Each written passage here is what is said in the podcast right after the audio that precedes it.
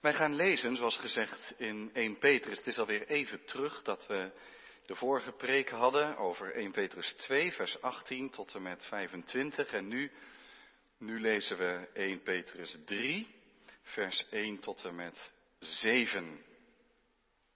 1 Petrus 3, vers 1 tot en met 7.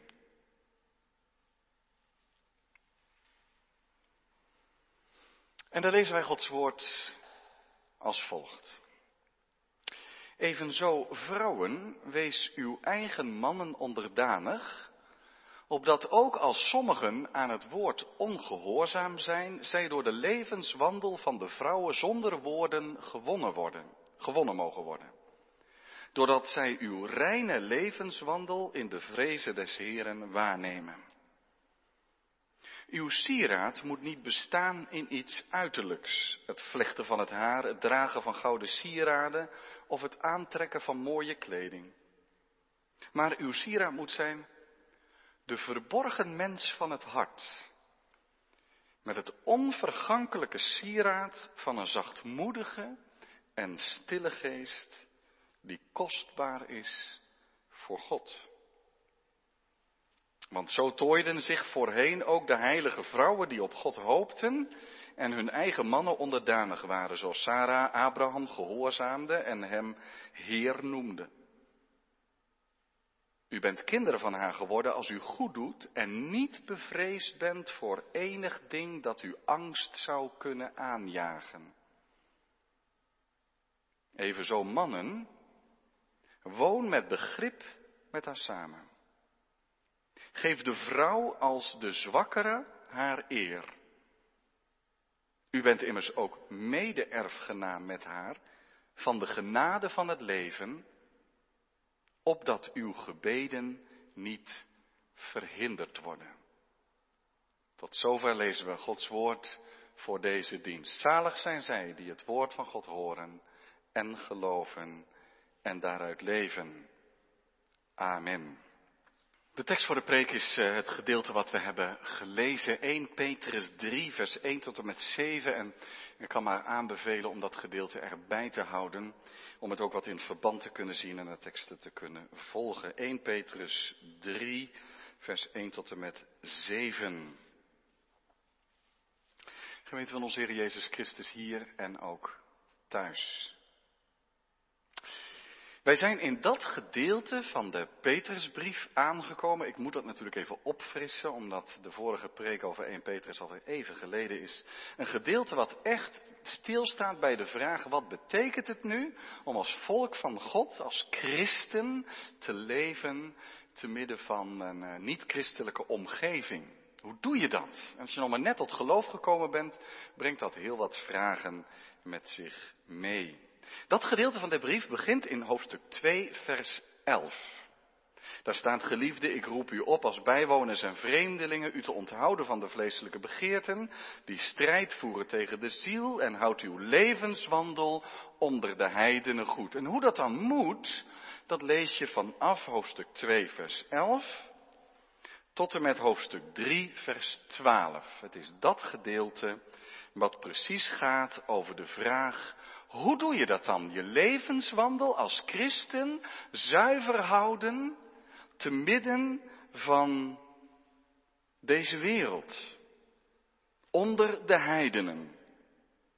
Nou, als je daarover nadenkt, dan is, zegt Petrus, de eerste vraag eigenlijk, hoe moet je je dan verhouden tot de overheid, tot het hele instituut van de overheid? Een overheid die nou niet bepaald staat te juichen dat het christelijk geloof er gekomen is. Een overheid die er misschien wel vijandig tegenover staat. Hoe verhoud je je dan tot die overheid?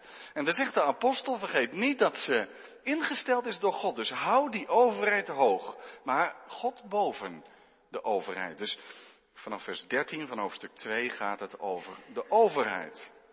Het tweede instituut, wat heel belangrijk is, dat is hoe zit dat dan als je een slaaf bent van een meester? Want sommige steden hadden wel tot 50% van de bevolking die slaaf waren. En wat nu als je een meester hebt die eigenlijk heel veel bepaalt over jouw leven?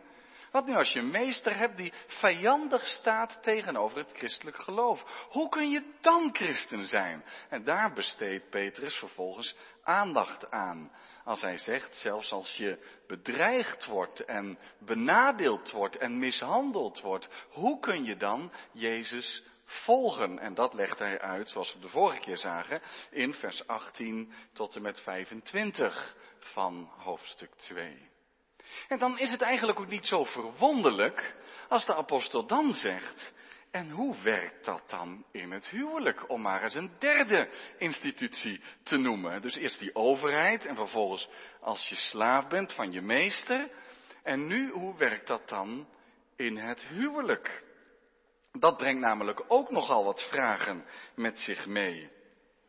Vooral als je man of als je vrouw vijandig staat tegenover het geloof. Je was getrouwd. En toen kwam het evangelie in je stad of in je dorp. En één van beiden kwam tot geloof. Wat een vragen levert dat op. Hoe zit dat nu? Dat is niet eenvoudig. En daar gaat ons gedeelte over. Dus niet allereerst in het algemeen lessen over een christelijk huwelijk. Er zijn allerlei lessen te leren uit dit gedeelte. Maar als je echt na wil denken, hoe leef je nou samen in het huwelijk? Als je allebei Christus kent, als je allebei leeft van genade, hoe leef je dan samen? Dan zou ik zeggen, neem dan vooral Efeze 5 vanaf vers 21. Wat begint met wees elkaar onderdanig in de vrees van God. En dan gaat het er verder over hoe de vrouw dienstbaar onderdanig is aan de man en de man hoofd van de vrouw is. En dat is op de wijze van de zelfopoffering. Dat kan als je samen buigt voor God en samen leeft uit het evangelie van Jezus Christus. Hier gaat het vooral, en de focus ligt natuurlijk op die eerste zes versen, straks ook het zevende vers, maar vooral op die vrouwen die dan geen christelijke man hebben. Wat betekent dat dan voor je christen zijn? En eigenlijk is wel het mooie dat Petrus dus tot nu toe ziet, zegt, hoeveel uitdagingen je ook kunt hebben, er is geen enkel gebied dat je kan bedenken dat je Christus niet kan volgen. Ten aanzien van de overheid, al ben je slaaf, nooit zul je kunnen zeggen, nee, nee, in mijn situatie kan het gewoon nog niet. In alle situaties is het mogelijk om te vragen, Heere, leid mij, leer mij uw weg, help mij in deze situatie Jezus te volgen. We zullen dus heel goed moeten luisteren naar de vragen die toen speelden. En dan het toepassen op ons vandaag. Dus, ik zeg dat natuurlijk ten overvloede. Je zit er totaal naast als je als man thuis samen met je vrouw op de bank naar dit gedeelte zat te luisteren, haar veel betekenend aankeek en zei, die sieraden die je laatst besteld hebt, ik zei toch dat ze te duur waren en nou zie je dat Petrus het ook zegt. Dat is niet de juiste manier om dit gedeelte te lezen. Ik zei het je toch, onderdanig zijn. Je moet eens wat beter naar me luisteren. Maar aan de andere kant zit je er ook naast, en misschien heeft u dat niet uitgesproken, maar tijdens het lezen wel een beetje gedacht. Dat je zegt, nou, het is interessant wat onze dominee hier nou weer van gaat maken. Of dat je eigenlijk bij jezelf al dacht, nou ja zeg, wat een ouderwets gedeelte. Het is zeker een man die dit allemaal opgeschreven heeft. Eerst zes versen zeggen dat die vrouw eronder gehouden moet worden. Want uh, Sarah is het grote voorbeeld en die zegt, uh, heeft tegen Abraham gezegd, mijn heer. Nee, dit is echt niet van deze tijd. Een man die zich over de uiterlijkheden van vrouwen gaat uitspreken. Nee hoor, wat een ouderwets patriarchaal bijbelgedeelte. En u zult straks wel merken als we dit goed gaan lezen dan komen er heel wat andere dingen naar voren dan dat. Thema is christen zijn in het huwelijk.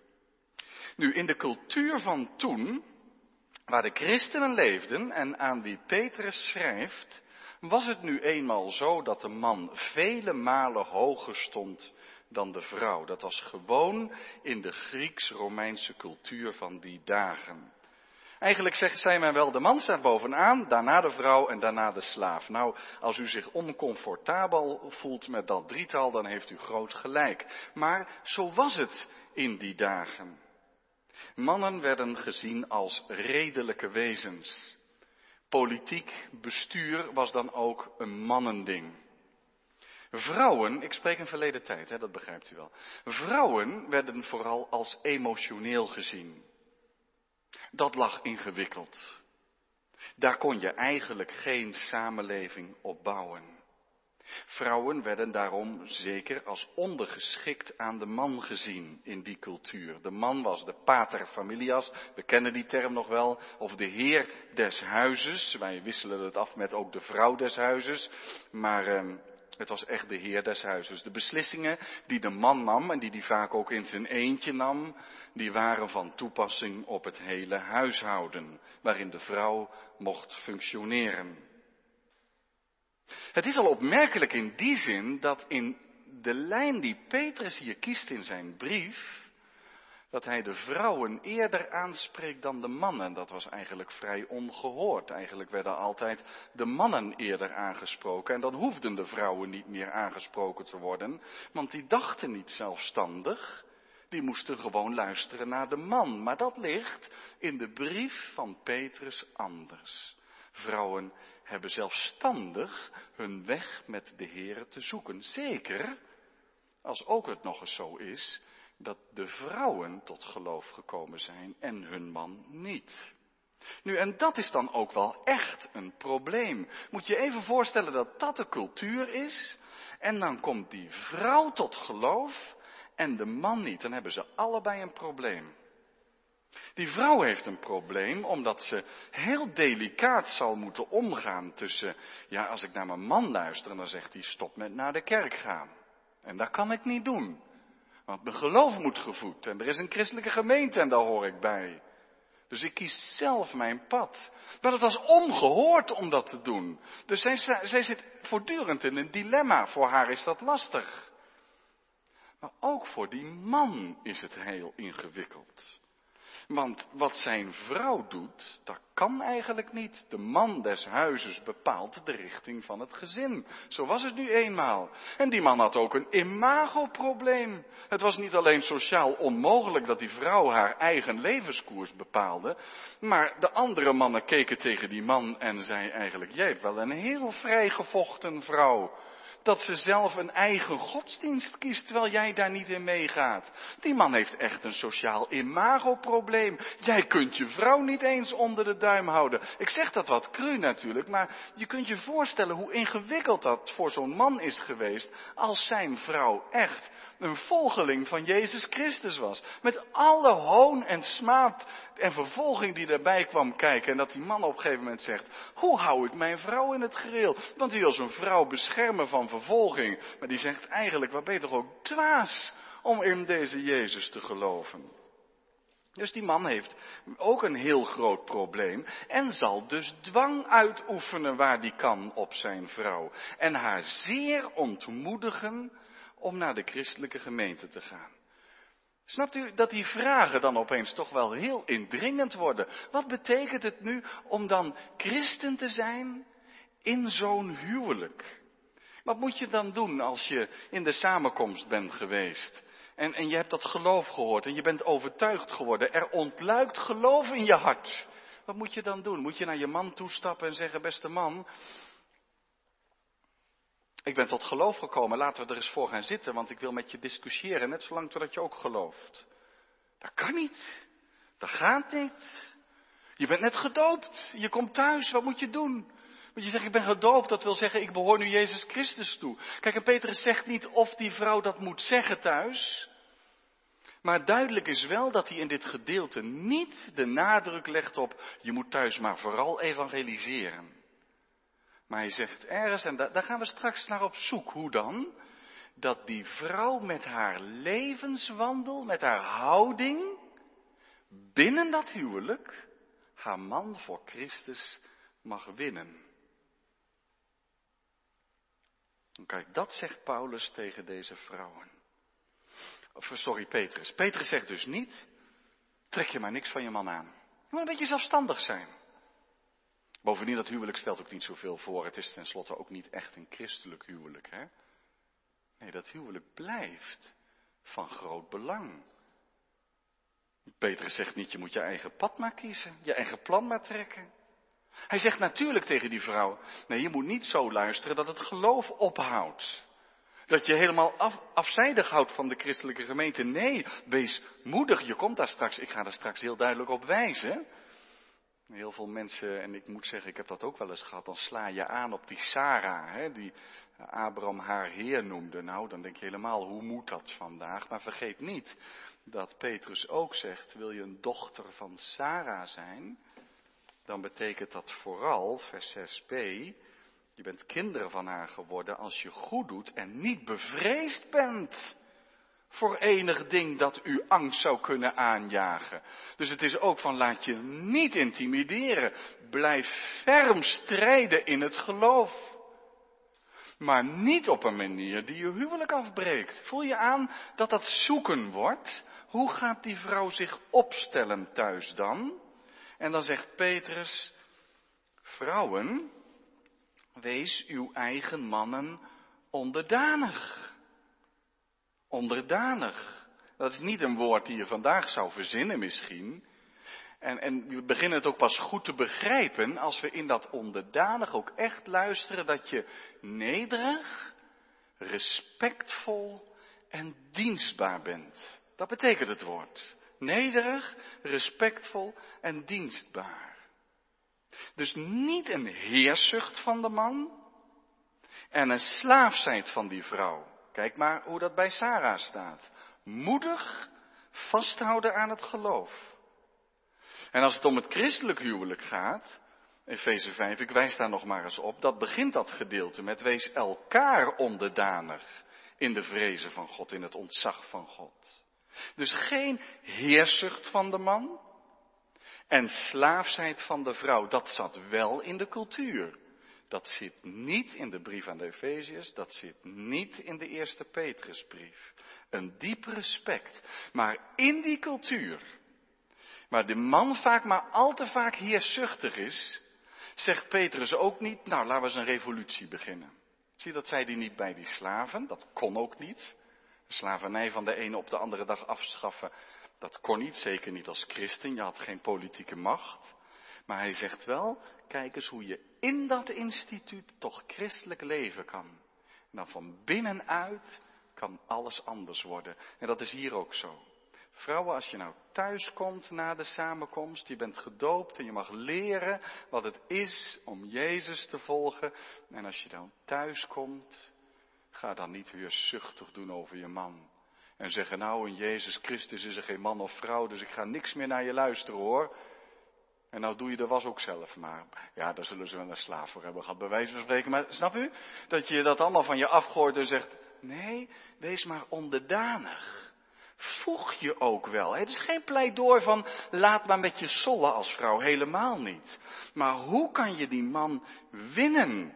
Hoe kun je Christus volgen? En dan ga je in zijn voetspoor als je dienstbaar bent. Die ongelovige man, die mag dan gewonnen worden door je levenswandel. Wie weet dat hij jou ziet en zegt, ja, zoals jij leeft, daar wil ik dan meer van weten van dat geloof. Hier overtuigen woorden niet, maar wel een levenswandel. Gewonnen zonder woorden. Dus hier geldt dat het leven belangrijker is dan woorden. Niet door te discussiëren zal ze haar man winnen, maar door een leven van liefdevolle toewijding en dienstbaarheid, waar de gestalte van die grote dienstknecht, Jezus Christus, inzichtbaar wordt. En daarin ligt ook een eerste toepassing van dit gedeelte voor ons allemaal. Ook als je niet getrouwd bent, of alleen geworden bent, of nooit getrouwd bent geweest, of weduwnaar of weduwe bent, of met een gebroken relatie zit, of al, altijd alleen gebleven bent. Het geldt voor ons allen. Heer, mag ons gebed zijn, geef dat ik zo leef, dat de mensen om mij heen tot u getrokken worden. Dat als ik ooit eens iets over u mag vertellen, over uw heiligheid en uw liefde en uw genade, dat dat nooit zal strijden met mijn leven. En natuurlijk geldt dat binnen het huwelijk wel helemaal, omdat je elkaar elke dag ziet. Op je mooiste momenten en op je minst mooie momenten. Als je uitgeslapen bent en als je helemaal niet uitgeslapen bent. Je ziet elkaar in allerlei levensomstandigheden. Snap je dan dat Petrus zegt, laat je leven een getuigenis zijn. Dat aan je te zien is hoe liefdevol je bent. Dienstbaar als de meester. Eerlijk. Toegewijd. Ja, ook moedig. Zoals Christus moedig was. En woorden sprak als die moest gesproken worden. Maar ook kon zwijgen als hij zijn vader zo wilde dienen. Zodat ieder en dat geldt ook andersom. Het geldt bij in onze tijd ook als je als man gelooft en een niet-gelovige vrouw hebt, maar hoe dan ook. Zodat je man, je niet-gelovige man of je niet-gelovige vrouw, nog voordat hij tot geloof gekomen is, bij wijze van spreken, zegt tegen zijn vrienden, of zij tegen haar vrienden, je kan uiteindelijk maar het best een christelijke man of vrouw hebben. Dat is goed voor je huwelijk. Begrijpt u? Dan bloeit je relatie. Dat is goed voor je huwelijk. Dat je niet voor jezelf kiest. De dood in de pot voor de huwelijken van 2021. We moeten tegenwoordig zo authentiek leven van de maatschappij en zo voor onszelf gaan dat er maar weinig huwelijken bij bloeien of overleven. Hoe dan? Zegt vers 2, doordat zij uw reine geheiligde, zuivere levenswandel zien in vrezen des Heren, met een diep ontzag voor God. Dat zien ze, dat je in een diep ontzag voor God wandelt. Dan kunnen ze gewonnen worden zonder woorden.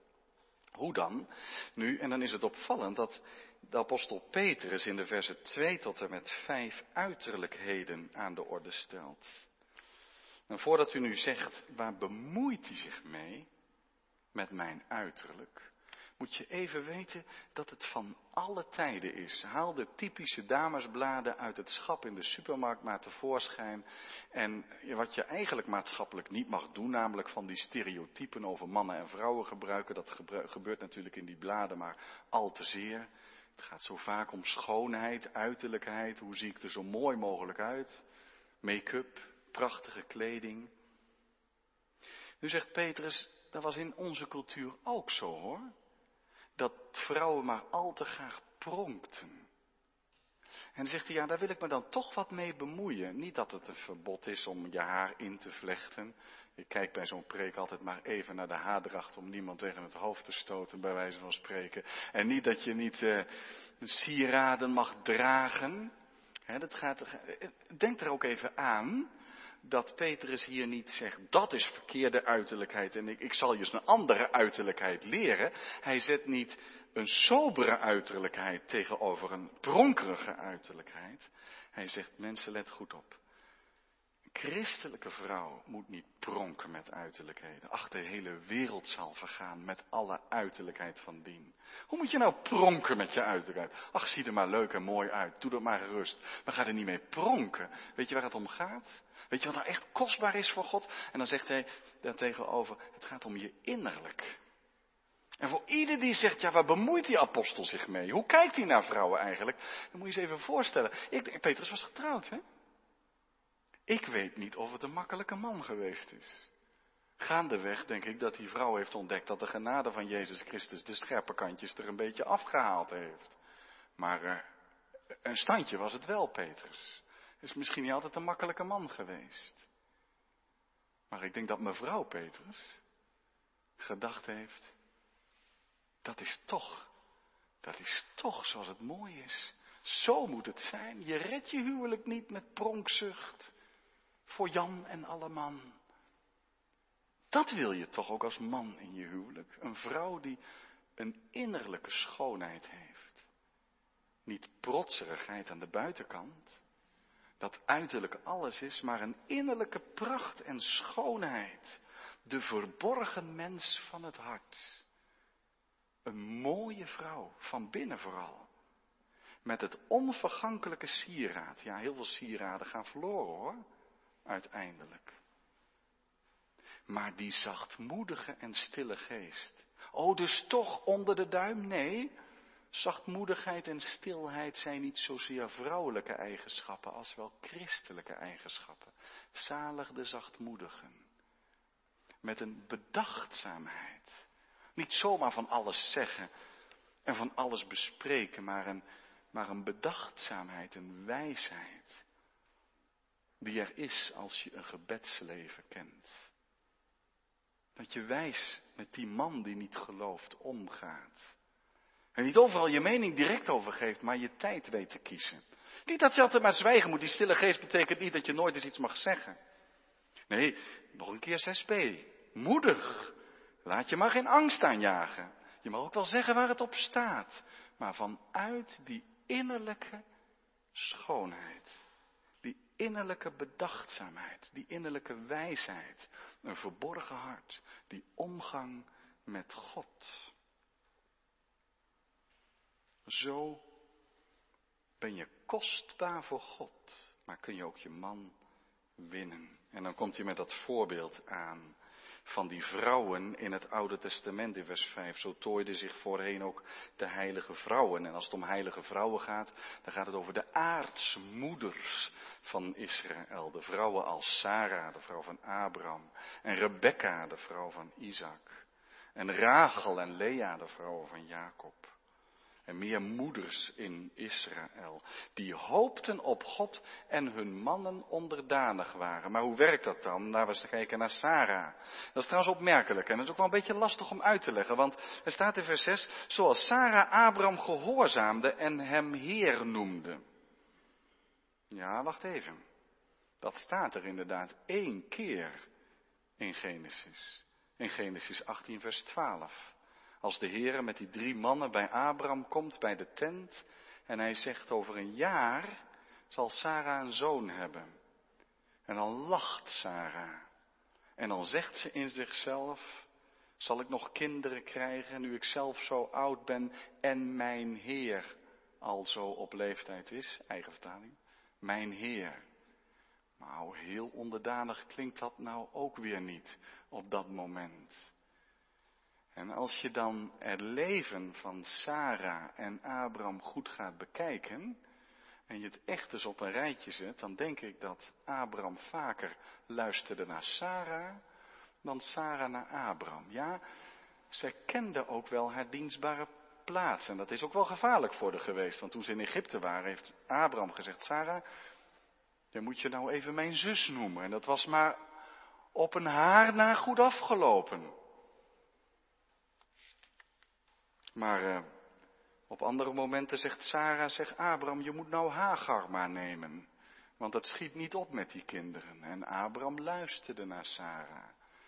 En als Ismaël geboren is en het gaat helemaal niet goed, dan zegt Sarah tegen Abraham, nou is het tijd dat je ze wegstuurt. En geeft de Heer Sarah gelijk en hij moet Hagar en Ismaël wegsturen. Maar ik zeg dat niet om te ontkennen wat hier staat, want Sarah is het voorbeeld waar de vrouwen aan wie Petrus schrijft naar mogen kijken. Maar het is niet zo simpel. Niet zo simpel dat je zegt, en de man heeft het altijd maar voor het zeggen, de vrouw moet er maar naar luisteren. Helemaal niet. Wees maar een kind van haar als u goed doet, dan zul je een kind van haar zijn. Dan doe je goed in de vrezen van God. Heel dat leven van Sarah klinkt dan mee. Dat ze zich gevoegd heeft in Gods weg. Omdat ze samen met Abraham Gods weg is gegaan. Heel dat, die geschiedenis klinkt dan mee. Dan bent u een kind van haar geworden als u goed doet. En niet bevreesd bent voor enig ding dat u angst zou kunnen aanjagen. Wilt u het sterker hebben dan dat? Dus het is een geweldige bemoediging voor die christelijke vrouwen in een lastige positie om die delicate weg te gaan. Van enerzijds je voegen naar je onchristelijke man en anderzijds pal te staan voor het geloof, biddend dat je je man mag winnen voor Christus en zijn genade. En ook hij mag gered worden. En dan is onderdanigheid vooral respect, toewijding, dienstbaarheid, erkenning. Zonder je eigen positie op te geven als een moedige volgster van Jezus Christus. En de mannen dan? Ja, dat ligt op hetzelfde vlak, maar dan toch anders. Waarom? En waarom maar één vers? Je zou natuurlijk zeggen, ja, het is zeker een man die dat schrijft. Dan is hij met één vers klaar over de mannen en heeft hij er zes voor vrouwen nodig gehad. Maar dat is niet de reden. U kunt het denk ik inmiddels zelf wel bedenken. Als het al namelijk andersom was, dat de man tot geloof kwam, dan leverde dat veel minder vragen op. Logisch. Want als de heer des huizes, de pater familias, tot geloof kwam, dan was die vrouw ook tot geloof gekomen. U zegt, hè, dat kan toch niet? Die, dat, is toch persoonlijk? Ja, dat is ook wel persoonlijk. Maar als die man van het huis op een gegeven moment zijn koers bepaalde en zei, wij gaan naar de kerk, dan ging die vrouw daar dan toch wel in mee. Die was niet zo zelfstandig als vandaag de dag. Dat die man zegt, ik ga geloven. En die vrouw zegt, ja, dat moet je zelf weten, maar val mij er niet mee lastig. Zie, de heer des huizes bepaalde de koers van het gezin. Daarom lees je ook zo vaak dat daar een heel huisgezin wordt gedoopt in het Nieuwe Testament. Als die stokbewaarder bijvoorbeeld, of die cipier in Filippi tot geloof komt, dan zegt hij, ja, ik, ik wil met mijn hele gezin gaan geloven. En mevrouw, de, de mevrouw van die cipier ging daarin mee. En natuurlijk was het dan heerlijk als dat echt persoonlijk werd, maar, maar zij stond daarvoor open vaak. Het leverde in ieder geval veel minder lastige vragen op. En misschien dat daarom dit zevende vers ervan uitgaat dat beide gelovig zijn geworden. Ze worden mede-erfgenaam van het eeuwige leven genoemd. Maar die mannen moeten dan op hun beurt wel weten dat ze, als ze christen worden, dat dat niet een kwestie is van dan kan alles bij het oude blijven. Dat betekent ook voor je man zijn nogal wat. Petrus zegt, al is het in de cultuur misschien heel gebruikelijk dat als je met mannen bij elkaar in de kroeg zit en je drinkt wat samen, dat je dan van die flauwe grappen over vrouwen gaat vertellen. Maar dat is nu wel afgelopen. Want je vrouw is wel mede-erfgenaam van het eeuwige leven. Nee, nog preciezer. Je vrouw deelt in het eeuwige leven en jij met haar staat er. Je hebt geen streepje voor als man. Je staat niet hoger dan je vrouw. En dat is nogal dynamiet onder de situatie toen in die cultuur. In die cultuur keken mannen vaak neer op vrouwen. Zoals ook in onze cultuur soms nog gebeurt en er allemaal van die flauwe grappen worden gemaakt. Maar Petrus zegt, ze is aan je gelijk. Ze is niet minder dan jij een kind van God. Je staat niet boven haar en daarom geeft de vrouw haar eer. Dus ga er maar van uit dat die mannen met dat ene vers minstens zo de handen vol hadden als die vrouwen aan die zes versen. En dan staat daar prachtig, hè, geef de vrouw als de zwakkere haar eer. Ja.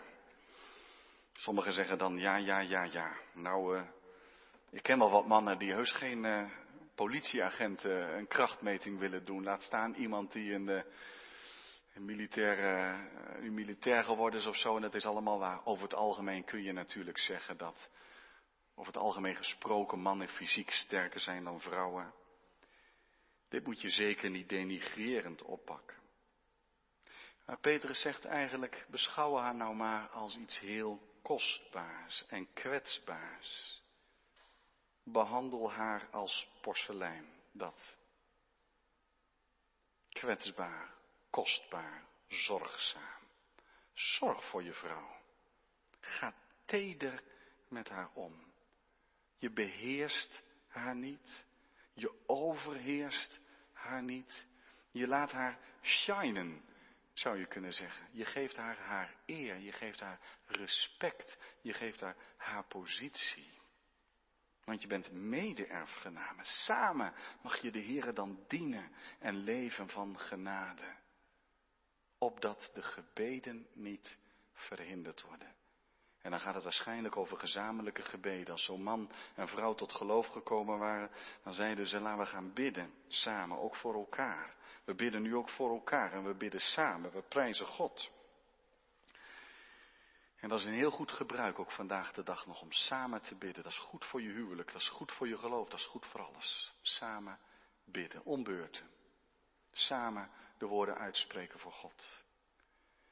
En uh, als je nou als man je vrouw niet met respect behandeld hebt, en je zegt dan laten we gaan bidden, dan werkt dat niet, dan gaat niet. De man die overdag zijn vrouw niet goed behandelt, die, die, die zal s'avonds zeggen van nou we bidden maar zelf, hè? jij maar voor jezelf en ik maar voor mezelf. Want samen bidden, dat klinkt opeens heel raar en dan worden de gebeden verhinderd. Dat geldt ook nog voor je eigen gebeden. Als je je vrouw niet met respect behandelt en niet met liefde, kun je niet echt bidden. Als het goed is, worden je gebeden gehinderd. Omdat je haar niet als mede-erfgenaam hebt beschouwd. Kan het kloppen dat vrouwen doorgaans meer bidden voor hun man dan mannen voor hun vrouw? Die vraag kan ik moeilijk niet beantwoorden. U kan die misschien beantwoorden. Hoe bid je voor je man en voor je vrouw? Zie je, voordat je dan tot de conclusie komt dat dit gedeelte toch wel hele ouderwetse trekken heeft, denk ik dat dit een heel rijk gedeelte is, die weliswaar gericht is aan een andere cultuur dan wij vandaag, maar die ook ons nog zoveel te zeggen heeft. In onze cultuur is het huwelijk ook nog steeds een gewaardeerde instelling. Maar u voelt wel aan als ik dat zeg, dat ik bijna de neiging heb om hier aanhalingstekens ergens te plaatsen. In onze cultuur is het huwelijk iets wat belangrijk is en wat goed gaat voor de time being. En dan gaan mensen uit elkaar omdat, ja, omdat, ja, de glans er een beetje af is. En laten we eerlijk zijn, omdat ze denken een leuker iemand tegen te komen. En zeker als je zo'n jaar of 35, 40, 45 bent, je nog niet alles uit het leven hebt gehaald wat erin zit. Het is de diepe, diepe ellende van onze maatschappij. Wat in wezen niks anders is dan een uiting van onze zondeval, namelijk gaan voor jezelf. Dat is het. Dat is de grootste leerstelling van onze tijd. Blijf dicht bij jezelf en kies voor jezelf. Iemand vraagt advies aan een vriend of een vriendin. Het antwoord is, hoe dat verder ook gezegd wordt, je moet kiezen voor jezelf. En Gods design, Gods ontwerp voor het huwelijk is heel anders. Dan gaat het over echte liefde, opofferingsgezindheid. Voor elkaar door het vuur gaan. Jezelf opofferen, wegcijferen, dienen, respecteren. Je verantwoordelijk voelen voor het geluk van de ander. Dat is een christelijk huwelijk. En reken erop dat alle kinderen van België zouden juichen als dat is wat meer in ons land voor het voetlicht zou komen. Daarom kan ik er soms zo slecht tegen. Dat dit soort gedeelten te gemakkelijk aan de kant geschoven worden. Als onderdanigheid, haha, onderdanigheid. Maar waar deze christelijke gevulde onderdanigheid een plek krijgt. Bij de vrouw maar evenzeer bij de man die zegt, ik geef mijn vrouw haar positie, haar eer, haar geluk. En ik behandel haar zorgzaam en teder en denk voortdurend hoe zij kan bloeien in het leven. Daar heb je het recept voor veel, veel levensvreugde. Wat is God wijs en wat is zijn woord goed. Als je niet bereid bent een ander te dienen en je denkt dat een relatie er vooral is om het zelf leuk en fijn te hebben, begin dan niet aan het huwelijk. Het huwelijk is zoveel meer dan dat. Kijk maar om je heen als je jong bent, wie je leuk vindt. Maar als je denkt over het huwelijk en over een levenslange relatie, dan gaat het ook over, echt over, wat is iemands karakter? Kan ik met hem haar God dienen? Um, hoe staan we dan in het leven? Ben ik bereid om voor de ander door het vuur te gaan? Ben ik bereid om Jezus te volgen in mijn relatie? Dat Hij En heel zijn dienstbare houding. Zoals ook tegen die slaven werd gezegd. Maar nu ook tegen mannen en vrouwen. Dat we in zijn voetstappen zullen gaan. Dat we soms ons verlies nemen. En dat we zijn liefde en genade mogen laten zien. Wij leven niet om onszelf te dienen. Maar gezegend is die man en die vrouw. En zijn ze beiden. Als in de voetsporen van Jezus Christus mogen gaan.